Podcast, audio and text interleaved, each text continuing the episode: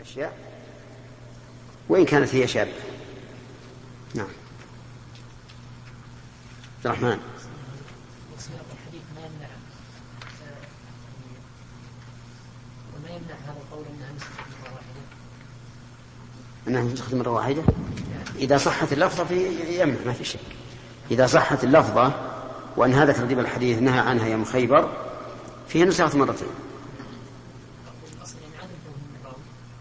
لا هم ذكروا مخالف خالفه غيره قد يخالفه غيره فيما نقل فيما نقل عن شيخه. بس أنا ظنيت إن الحافظ يتكلم عليه. تراجع يا شيخ. ها؟ لعلها تراجع. وش يقول هو؟ هنا ما ما تكلم. ما ما حال على شيء. ها؟ ها؟ كتاب النكاح كتاب النكاح؟ طيب ممكن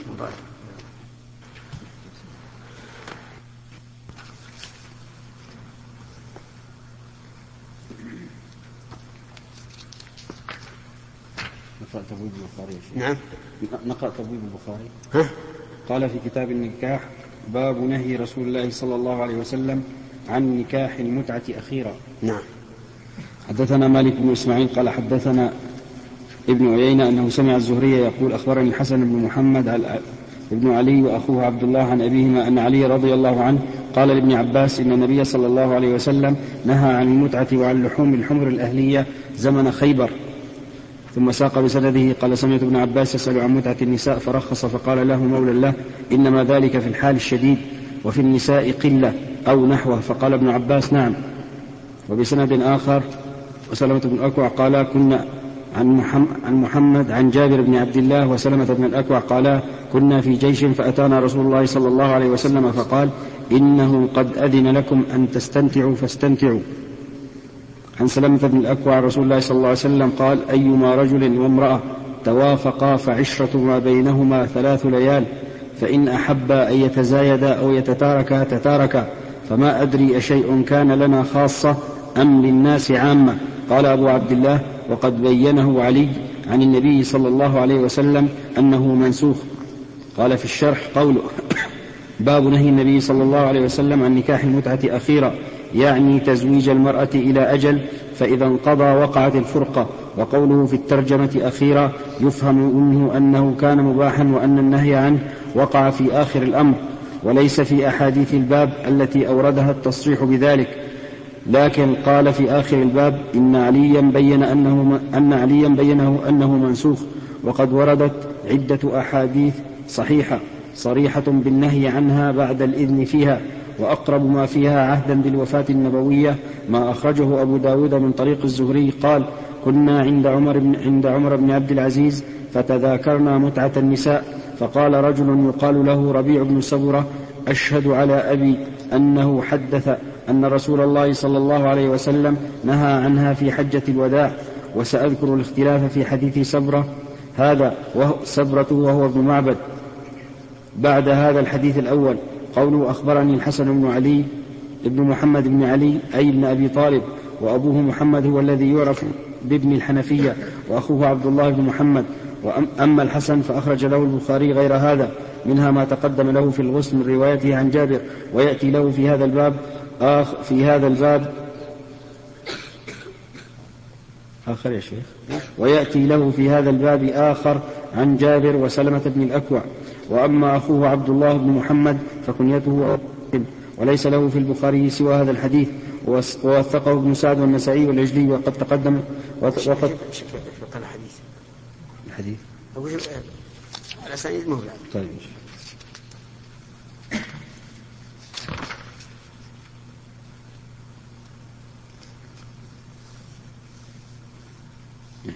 قوله أن عليا قال لابن عباس سيأتي بيان تحديثه له بهذا الحديث في ترك الحيل بلفظ إن عليا قيل له أن, إن, ابن عباس لا يرى بمتعة النساء بأسا. وفي رواية, رواية الثوري ويحيى بن سعيد كلاهما عن مالك عند الدار قطني أن عليا سمع ابن عباس وهو يفتي في متعة النساء فقال أما علمت؟ وأخرجه سعيد بن منصور عن هشيم عن يحيى بن سعيد عن الزهري بدون ذكر مالك. ولفظه إن عليا مر بابن عباس وهو يفتي في متعة النساء أنه لا بأس بها. ولمسلم من طريق جويرية عن مالك يسنده أنه سمع علي بن أبي طالب يقول لفلان إنك رجل تائه. وفي رواية للدار وفي رواية الدار قطني من طريق الثوري أيضا تكلم علي وابن عباس في متعة النساء فقال له علي إنك امرؤ تائه.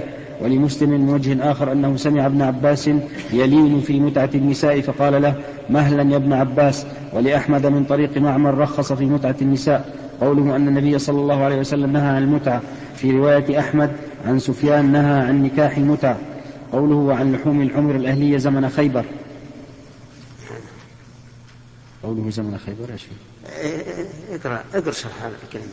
هكذا لجميع الرواة عن الزهري خيبر بالمعجمة أوله والراء وآخره إلا ما رواه عبد الوهاب الثقفي عن يحيى بن سعيد عن مالك في هذا الحديث فإنه قال حنين بمهملة. أوله ونونين أخرجه النسائي قطني ما وفيها على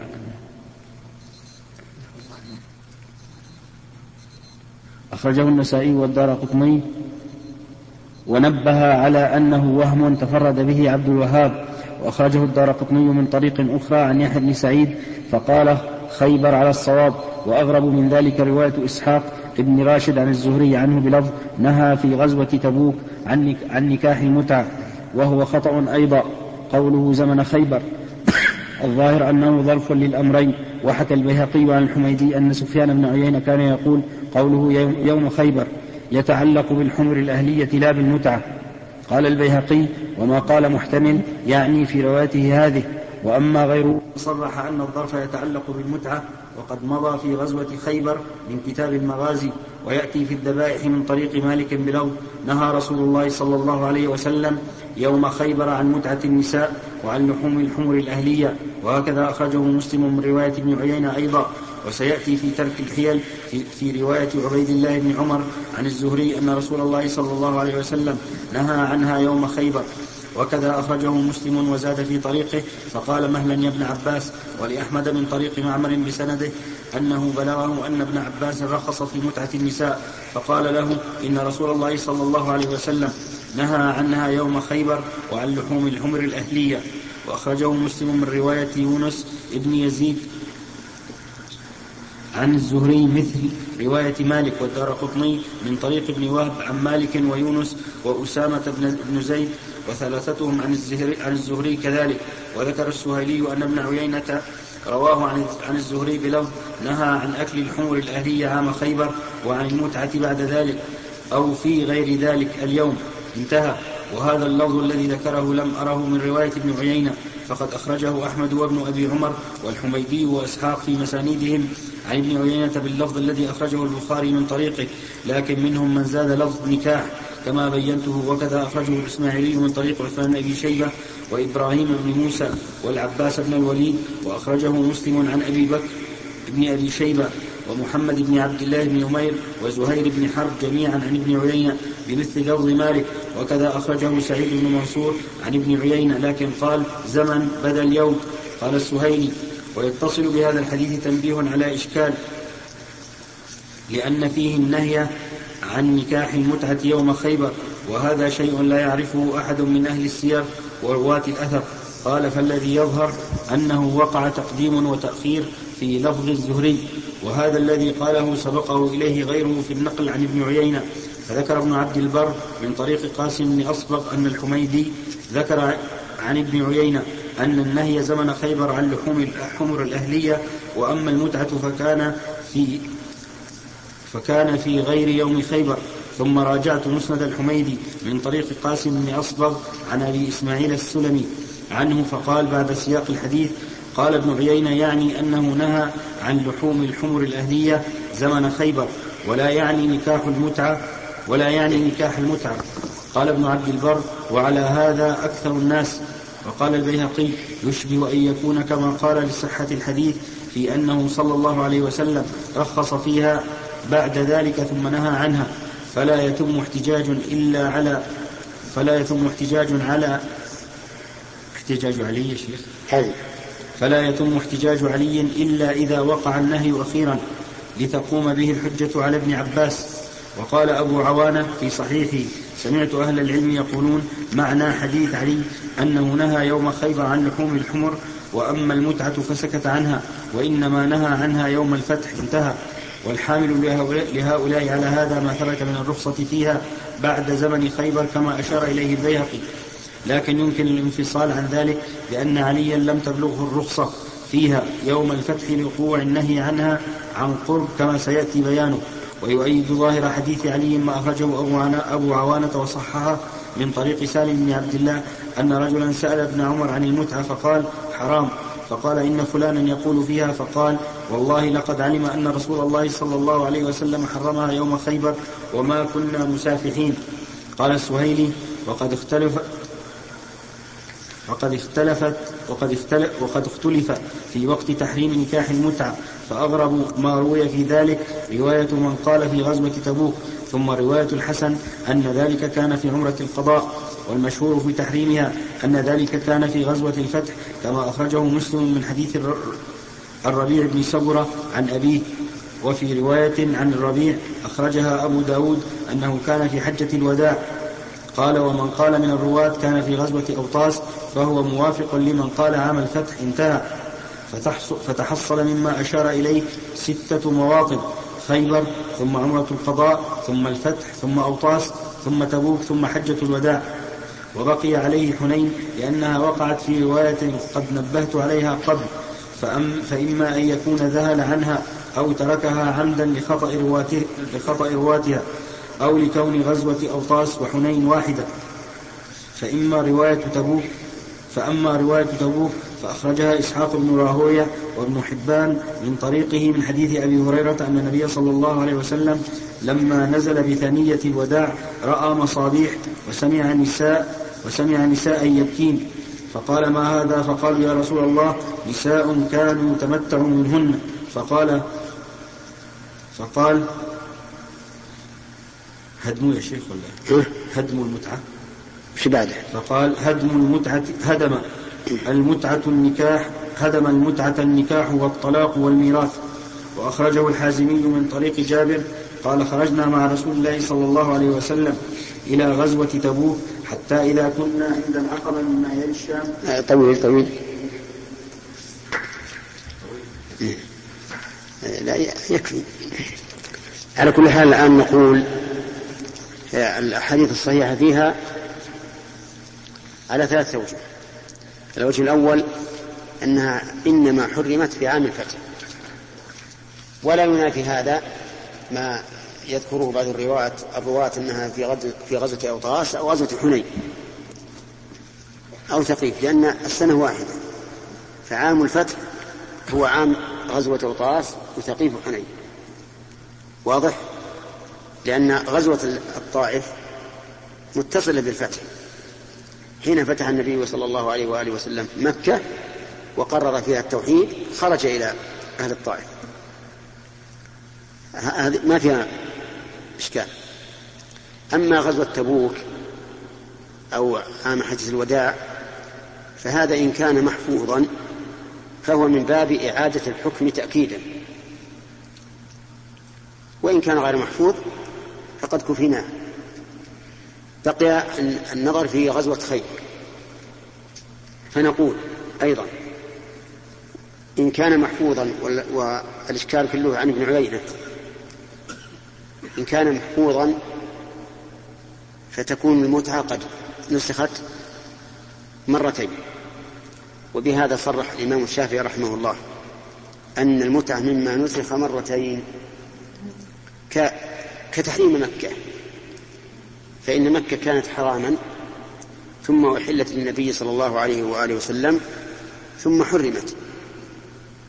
فمن العلماء من يقول ليس عندنا حكم نسخ مرتين إلا المتعة وتحريم مكة.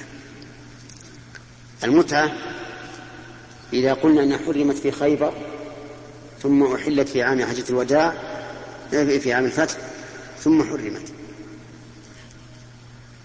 وأما تحريم مكة ففيه نظر لأن حلها كان حلا مؤقتا. وحلت النبي صلى الله عليه وآله وسلم ساعة من النهار فقط. يعني ليس إحلالا مطلقا ثم نسخ بل هو إحلال مقيد وعلى هذا فلا يصح التمثيل به. الله أكبر.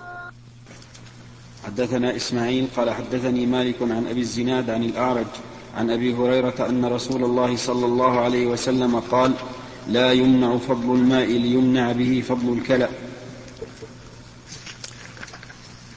بسم الله الرحمن الرحيم. هذا الباب في باب ما يكون من الحيل الاحتيال في البيوع وهذا من أكثر الحيل لأن الناس يحتالون فيه على الشيء المحرم بما ظاهره الإباحة. ومن ذلك احتيال اليهود. لما حرم الله عليهم شحوم الميتة صاروا يذوبونه حتى يكون ودكا ثم يبيعونه. قال النبي صلى الله عليه وآله وسلم قاتل الله اليهود لما حرمت عليهم الشحوم أذابوها ثم باعوها وأكلوا ثمنها. ومن ذلك أيضا الحيل على الربا. كما يوجد في كثير من الناس يتحيلون على الربا مثل العينة أن يبيع شيئا بثمن مؤجل ثم يشتريه نقدا بأقل. قال ابن عباس رضي الله عنهما هي دراهم بدراهم دخلت بينهما حريرة. وإذا كانت سيارة نقول دراهم بدراهم دخلت بينهما سيارة. والحيل أنواعها كثيرة وهي, وهي حرام. وقول البخاري باب ما يكره هذا على اصطلاح المتقدمين. أن الكراهة بمعنى التحريم. فكلما وجدت في القرآن أو السنة أو كلام السلف لفظ كراهة فالمراد به التحريم. ويدل لهذا قوله تعالى وقضى ربك ألا تعبدوا إلا إياه وبالوالدين إحسانا إلى أن قال كل ذلك كان سيئه عند ربك مكروها. ومنه إن الله كره لكم قيل وقال وكثرة السؤال وإضاعة المال. وقول لا يمنع فضل المال يمنع به فضل الكلى هذا أيضا من الحيل. الكلى ما نبت من الأمطار في الأرض والماء ما نبع من الأرض فلا يمنع الإنسان فضل الماء لأنه إذا منع فضل الماء منع فضل الكلام. فإن الناس إذا لم يجدوا ماء في هذه الأرض لم يأتوا إليها. فيكون منع الماء منعا للكلام. يعني البدو مثلا إذا جاءوا إلى الأرض من أجل أن ترعى إبلهم أو طأنهم أو معزهم من هذه الأرض ولم يجدوا فيها ماء تركوها. فإذا منع الإنسان فضل الماء فهذا يقتضي منع فضل الكلام. ولهذا قال عليه الصلاة والسلام لا يمنع فضل الماء ليمنع به أو ليمنع به فضل الكلام. وقوله عليه الصلاة والسلام ليمنع يحتمل أن تكون اللام للتعليل ويحتمل أن تكون اللام للعاقبة. فإن جعلناها للتعليل صار منع فضل الماء ليس حراما إلا إذا قصد إيش؟ منع فضل الكلام. وإن جعلناها للعاقبة صار منع فضل الماء حراما مطلقا والعاقبة أنه يمنع فضل الماء. وهذا فضل الكلام يمنع فضل الكلام. وهذا الأخير أقرأ هذا هو الأقرأ. واللام تأتي للعاقبة مثل قوله تعالى فالتقطه آل فرعون ليكون لهم عدوا وحزنا. هل اللام هنا للتعليل؟ لا لأنهم لم يلتقطوه ليكون عدوا وحزنا. لو علموا أنه عدو وحزن لأهلكوه لكن التقطوه فصار له عدوا وحزنا نعم المقصود به مكروه عند الله مكروه عند الشرع. مكروه شرعا. وما كره شرعا فهو مكروه عند الله. يا شيخ. نعم. شيخ في مسائل عبد الله بن أحمد بن أشياء بسيطة يقول الإمام أحمد أكرهه أو أكرهها. أي نعم. هي ما تصل إلى التحريم. لكن أصحاب الإمام أحمد يقولون أن الإمام أحمد إذا قال أكره فهو للتحريم. ذكره صاحب الفروع في أول الفروع. بل قالوا إذا قال لا يعجبني فإنه يقتضي التحريم. لأن العلماء السلف يتحرزون من كلمة حرام لأنها ثقيلة عليه نعم يا سليم.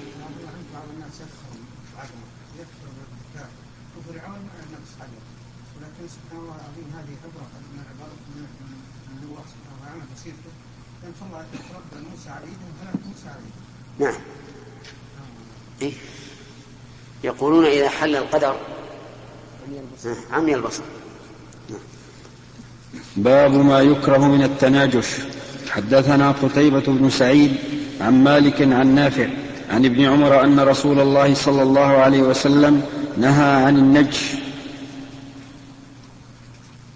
لأنه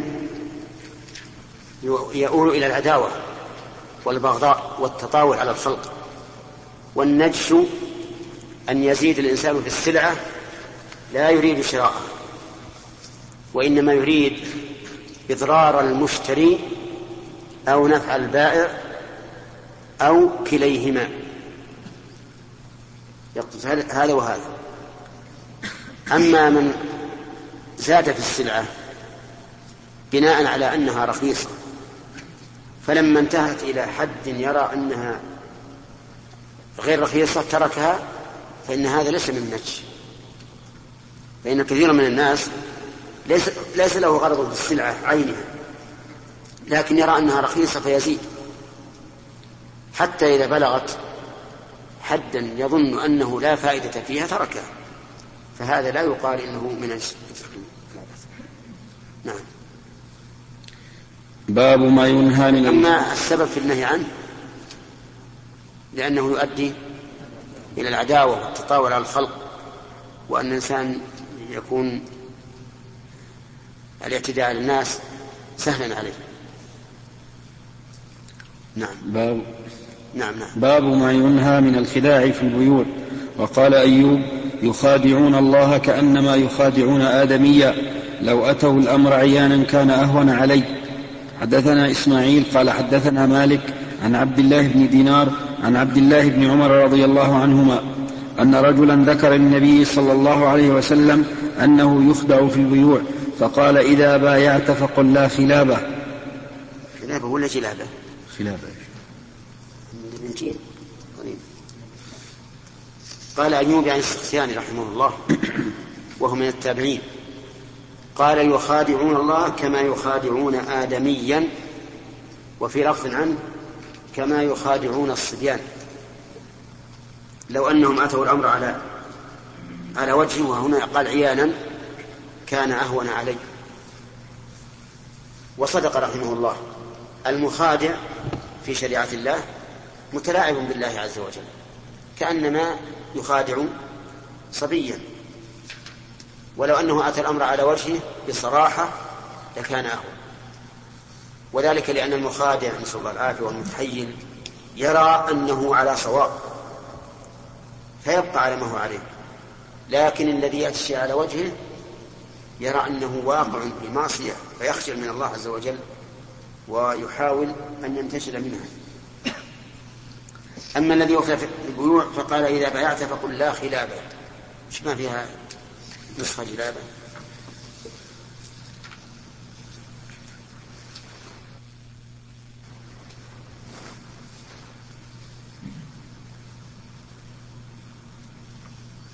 ما في شيء.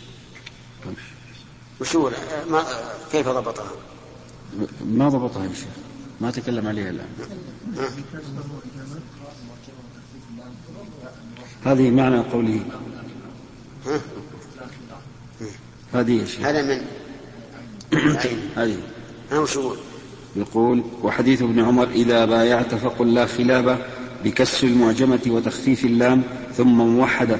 تقدم شرحه مستوفا في كتاب البيوع. قال المهلب معنى قوله لا خلابة لا تخلبوني أي لا تخدعوني فإن ذلك لا يحل. قلت والذي يظهر أنه وارد مورد الشرط أي إن ظهر في العقد خداع فهو غير صحيح. كأنه قال بشرط أن لا يكون فيه خديعة أو قال لا لا تلزمني خديعتك. قال المهلب ولا يدخل في الخداع المحرم الثناء على السلعة. والإطناب في مدحها فإنه متجاوز عنه ولا ينتقص به البيع. وقد وقال ابن القيم في الإعلام أحدث بعض حيلا لم يصح القول بها عن أحد من الأئمة فسيرة الشافعي وفضله علم أنه لم يكن يأمر بفعل الحيل التي تبنى على الخداع وإن كان يجري يجري العقود على ظاهرها ولا ينظر ولا ينظر إلى قصد العاقد إذا خالف لفظه. فحاشاه أن يبيح للناس المكر والخديعة فإن الفرق بين إجراء العقد على ظاهره فلا يعتبر القصد في العقد. فلا يعتبر شيء فلا يعتبر القصد في العقد وبين تجويز عقد قد علم بناؤه على المكر مع العلم بأن باطنه بخلاف ظاهره ظاهر. ومن نسب حل الثاني إلى الشافعي فهو خصمه عند الله فإن الذي جوزه بمنزلة الحاكم يجري الحكم على ظاهره في عدالة الشهود فيحكم بظاهر عدالتهم وإن كانوا في الباطل شهود زور. وكذا شهود زور. وكذا في مسألة العينة إنما جوز أن يبيع السلعة ممن يشتريها جريا منه على أن ظاهر عقود المسلمين سلامتها من المكر والخديعة ولم يجوز ولم يجوز قط أن المتعاقدين يتواطئان على ألف بألف ومئتين. على ألف بألف ومئتين ثم يحضران سلعة تحل تحلل الربا ولا سيما إن لم يقصد البائع بيعها ولا المشتري شراءها. ويتأكد ذلك إذا كانت ليست ملكا للبائع كأن يكون عنده سلعة لغيره فيوقع العقد فيوقع العقد فيوقع العقد ويدعي أنها ملكه. ويصدقه المشتري فيوقعان العقد على الأكثر ثم يستعيدها البائع بالأقل ويترتب الأكثر في ذمة المشتري في الظاهر. ولو علم الذي جوز ذلك بذلك لبادر إلى إنكاره لأن لازم المذهب ليس بمذهب. فقد يذكر, فقد يذكر العالم الشيء ولا يستحضر لازمه حتى إذا عرفه أنكره وأطال في ذلك جدا. وهذا ملخصه والتحقيق أنه لا يلزم من الإثم, من الإثم في العقد بطلان أنه لا يلزم من الإثم في العقد بطلانه في ظاهر الحكم فالشافعية يجوزون العقود على ظاهرها ويقولون مع ذلك إن من عمل الحيل بالمكر والخديعة يأثم في الباطن وبهذا يحصل الانفصال عن إشكاله والله أعلم نعم نعم عيانا عيانا. ها؟ عيابا لا لا عيانا. هذا الحديث استدل به من يرى أنه لا خيار في الغبن إلا إذا شرط لا خيار في الغبن إلا إذا شرط والغبن أن يبيع البائع السلعة على شخص لا يعرف الأسعار. فيبيع عليه ما يساوي عشرة بعشرين فيرى بعض العلماء أنه ليس له خيار والصحيح أن له الخيار لأن هذا خداع وخيانة ومكر. ولا يمكن أن يمكن للماكر الخادع حتى ينال المقصود. ومن ذلك أيضا من الخداع في البيوع التدليس. أن يظهر البائع السلعة بمظهر الجيد وهي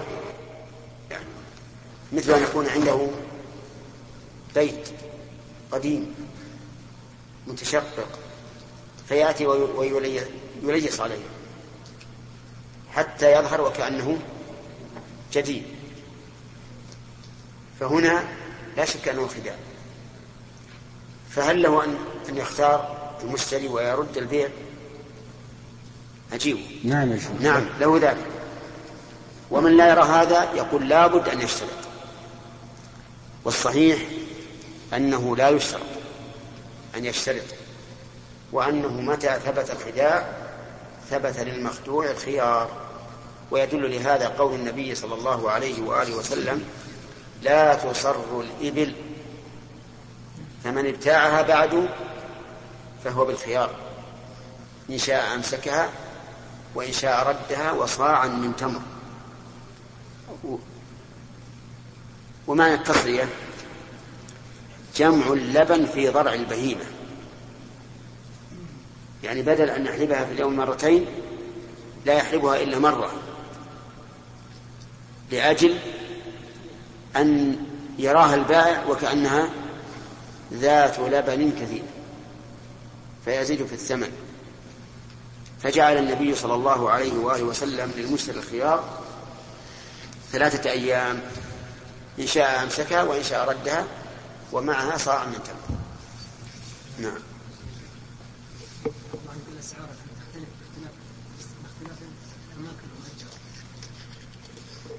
هذا غلط. هذا غلط. كوننا نجعلها تختلف باختلاف الأماكن المؤجرة هذا ضرر. ويجب على المسؤولين أن يلاحظوا هذا. له الخيار له الخيار إلا إذا علم. إذا علم المشتري أن صاحب المحل المؤجر بأجرة كثيرة يزيد في الثمن بناء على الأجرة على بصيرة.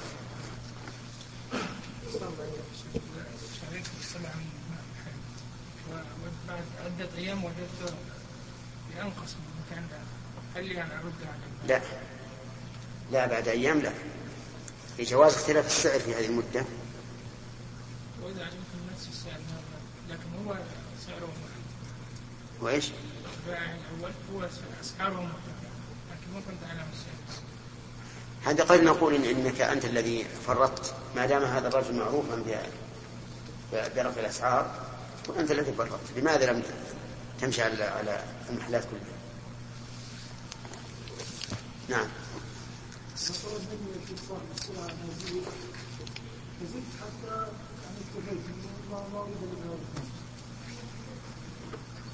نعم وش السؤال؟ المهم هل أنت زدت عن الرغبه ولا لا؟ حصل طلب طيب اي لكن إذا طلب أنت إذا لم إذا لم ترى لك فيها مصلحة فلن تجيبه والله شيخ زدت حسب طلب ولكن وقفت عند حسب يعني ما يجوز. إذا كان لمجرد حسب طلبه لأن صاحب السلعة يريد ان يريد أن تزيد. لكن ما زدت زيادة عن لكن في البداية حسب على حسب رغبه على كل حال في ظني أن الإنسان لن يزيد بمجرد الطلب إلا إلا لسبب. باب باب ما ينهى عن الاحتيال للولي في اليتيمة المرغوبة وألا يكمل لها صداقها. حدثنا أبو اليمان قال حدثنا شعيب عن الزهري قال كان عروة يحدث أنه سأل عائشة وإن خفتم ألا تقسطوا في اليتامى فانكحوا ما طاب لكم من النساء. قالت هي اليتيمة في حج وليها فيرغب في مالها وجمالها فيزيد أن يتزوجها فيريد أن يتزوجها بأدنى من سنة نسائها. فنهوا عن نكاحهن إلا أن تقسطوا لهن في إكمال الصداق. ثم استفتى الناس رسول الله صلى الله عليه وسلم بعد فأنزل الله ويستفتونك في النساء فذكر الحديث. هذه أيضا من الحيلة أن الرجل يكون عنده أنثى هو وليها كابنة عمه مثلا فيرغب في مالها وجمالها ويريد أن يتزوجها فيتحيل على ذلك برد الخطاب وإشعارها أنها لم لم يخطبها أحد فحينئذ تخضع؟ لرغبته هو فيتزوجها بأقل من المهر أو يتزوجها وهي كارهة فنهوا عن ذلك باب إذا غصب جارية فزعم أنها ماتت فقضي بقيمة الجارية الميتة ثم وجدها صاحبها فهي له ويرد تكون القيمة ثمنا وقال بعض الناس الجارية للغاصب لأخذه القيمة منه. وفي هذا احتيال لمن اشتهى جارية رجل لا يبيعها فغصبها واعتل بأنها ماتت حتى يأخذ ربها قيمتها فتطيب للغاصب جارية غيره. قال النبي صلى الله عليه وسلم أموالكم عليكم حرام ولكل غادر لواء يوم القيامة.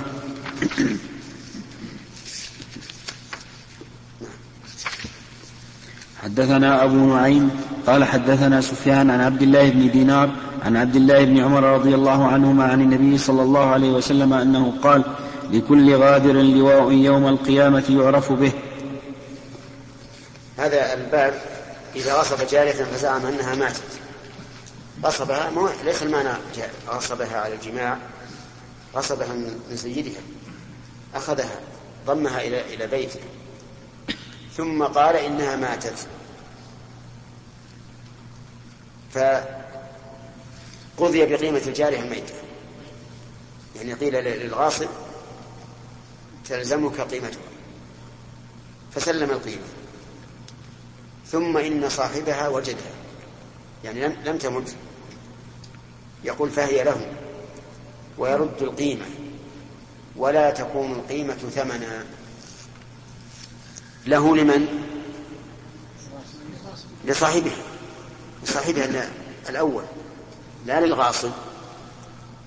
ويرد القيمة. ولا تكون القيمة ثمنا.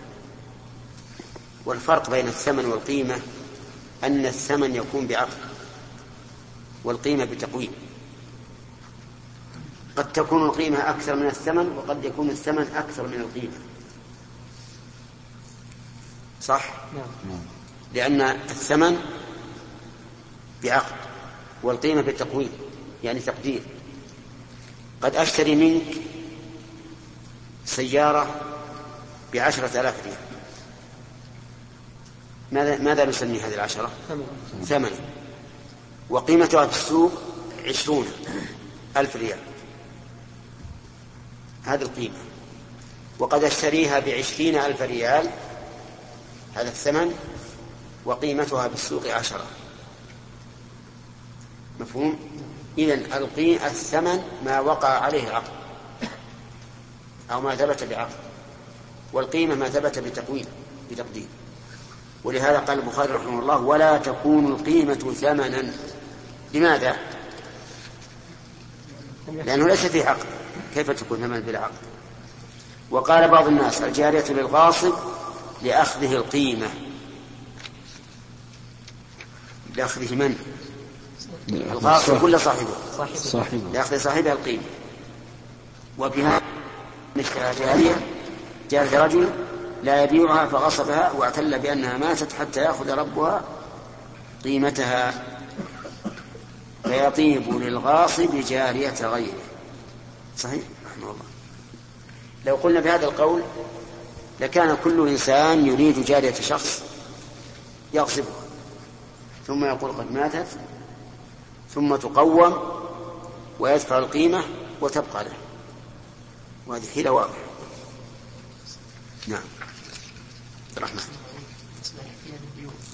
ذكرنا أن لم تكن السيارة مثلا صاحب المعرض وإنما ذهب واشتراها ليبيعها على المشتري هذا حيله على الربا لكن إذا كان المشتري ما يدري هل صاحب المعرض يعني عنده السياره أو لا.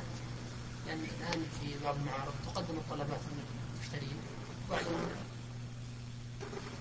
ما يدري المشتري هل المعرض عنده السيارات في المعارض أو انها ولا بد أن يعرف أن, إن, إن عنده. لا بد أن يعرف. فإذا لم تكن عندك كيف يبيع؟ ما لا يملك. لكن هل يطالب المشتري بالسؤال والبحث؟ بإيش؟ يطالب المشتري. أبدا ما هو إذا وجدها عنده هي عنده. قد ما تكون عنده. في آه. ما يخالف. إذا قال نعم هي عندي لكنها في في, في المعرض الفلاني أو في المخزن الفلاني. نعم. ووثق به فلا بأس. الحال يا شيخ بهذا انها من عنده لأن غالبا ما تكون عنده انما يستقبلون الطلبات. وبعد ما لما تجتمع كم طلب بعد يحضرون الواجب اذا إذا يكتبون طلبات. ولا ولا يتمون العقد نعم ما يتمون العقد إذا حضرت نعم. باع عليه. فلا بأس. ما قلنا هذا في لحد لا لا لا. لا إحنا ما نقول. صاحب الحيلة على الربا إنه يجي التاجر ويقول أنا ابي السيارة أريد السيارة الفلانية فيشتريها التاجر من المعرض ويبيعها عليه. لا لا ما ينفع. ما لكن هذا ال- اللي بيبيع اللي بيبيع عليه نفس المعرض. ما هو رجل ثالث. في مسألتنا رجل ثالث. لا لا ما فيها شيء. لكن بس لا يعقد البيع. نعم. حتى تحضر السيارة. نعم. باب حدثنا محمد بن كثير عن سفيان عن هشام عن عروة عن زينب ابنة عن زينب ابنة أم سلمة. باب نحن قلنا إن البخاري إذا لم يضع ترجمة وإنما قال باب فهو بمنزلة قول الفقهاء فصل. هنا. عن زينب ابنة أم سلمة عن أم سلمة عن النبي صلى الله عليه وسلم أنه قال إنما أنا بشر وإنكم تختصمون إلي ولعل بعضكم أن يكون ألحن بحجته من بعض فأقضي له على نحو ما أسمع فمن قضيت له في حق أخي من حق أخيه شيئا فلا يأخذ فإنما أقطع له قطعة من النار. هذا لا شك أنه شاهد لما ترجم له البخاري في الباب الأول لأن القاضي يحكم بقول الغاصب إنها ماتت. حسب ما سمع. نعم. باب في النكاح. حدثنا مسلم بن إبراهيم قال حدثنا هشام قال حدثنا يحيى بن أبي كثير عن أبي سلمة عن أبي هريرة عن النبي صلى الله عليه وسلم أنه قال لا تنكح البكر حتى تستأذن ولا الثيب حتى تستأمر. فقيل يا رسول الله كيف إذنها؟ قال إذا سكتت وقال بعض الناس إن لم تستأذن البكر ولم تزوج فاحتال رجل فأقام شاهدي زور أن يا شيخ. انه أنه تزوجها برضاها فأثبت القاضي نكاحها والزوج يعلم أن أن الشهادة باطلة فلا بأس أن يطأها وهو تزويج صحيح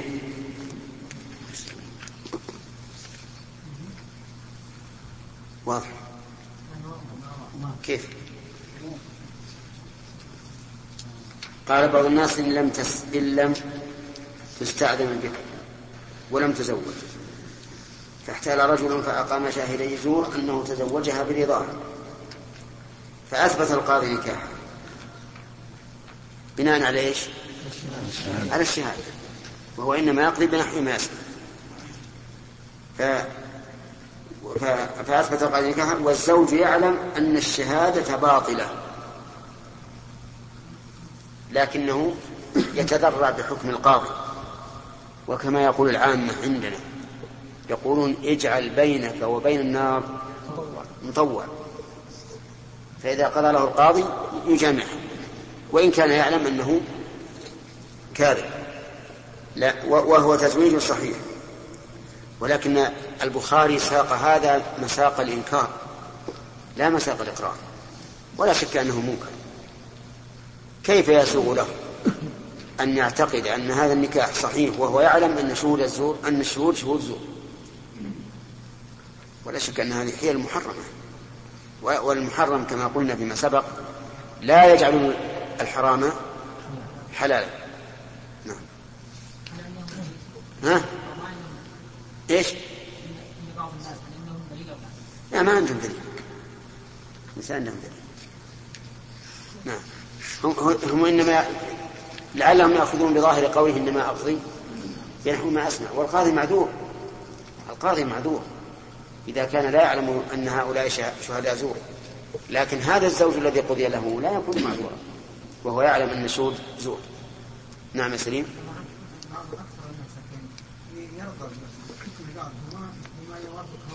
يرضى إيش؟ القاضي ما يوافق هواه ويخالف فيما يخالف هواه أكثر الناس اي ما بشي إذا حكمنا على برافو. ولهذا يقول ارفع للتمييز. نعم. ثلاثة. نعم.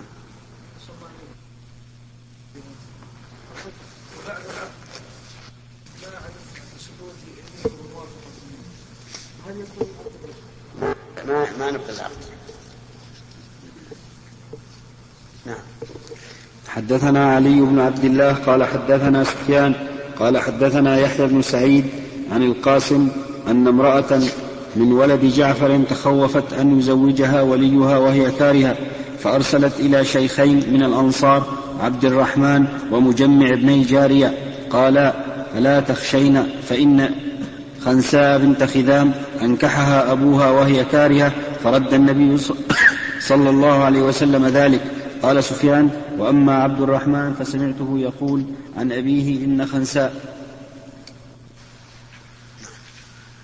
حدثنا أبو نعيم قال حدثنا شيبان عن يحيى عن أبي سلمة. عن أبي هريرة قال قال رسول الله صلى الله عليه وسلم لا تنكح الأيم حتى تستأمر ولا تنكح البكر حتى تستأذن. قالوا كيف إذنها؟ قال أن تسكت. وقال بعض الناس إن احتال إنسان بشاهد يزور على تزويج امرأة ثيب بأمرها فأثبتت فأثبت القاضي نكاحها إياه. والزوج يعلم أنه لم يتزوجها.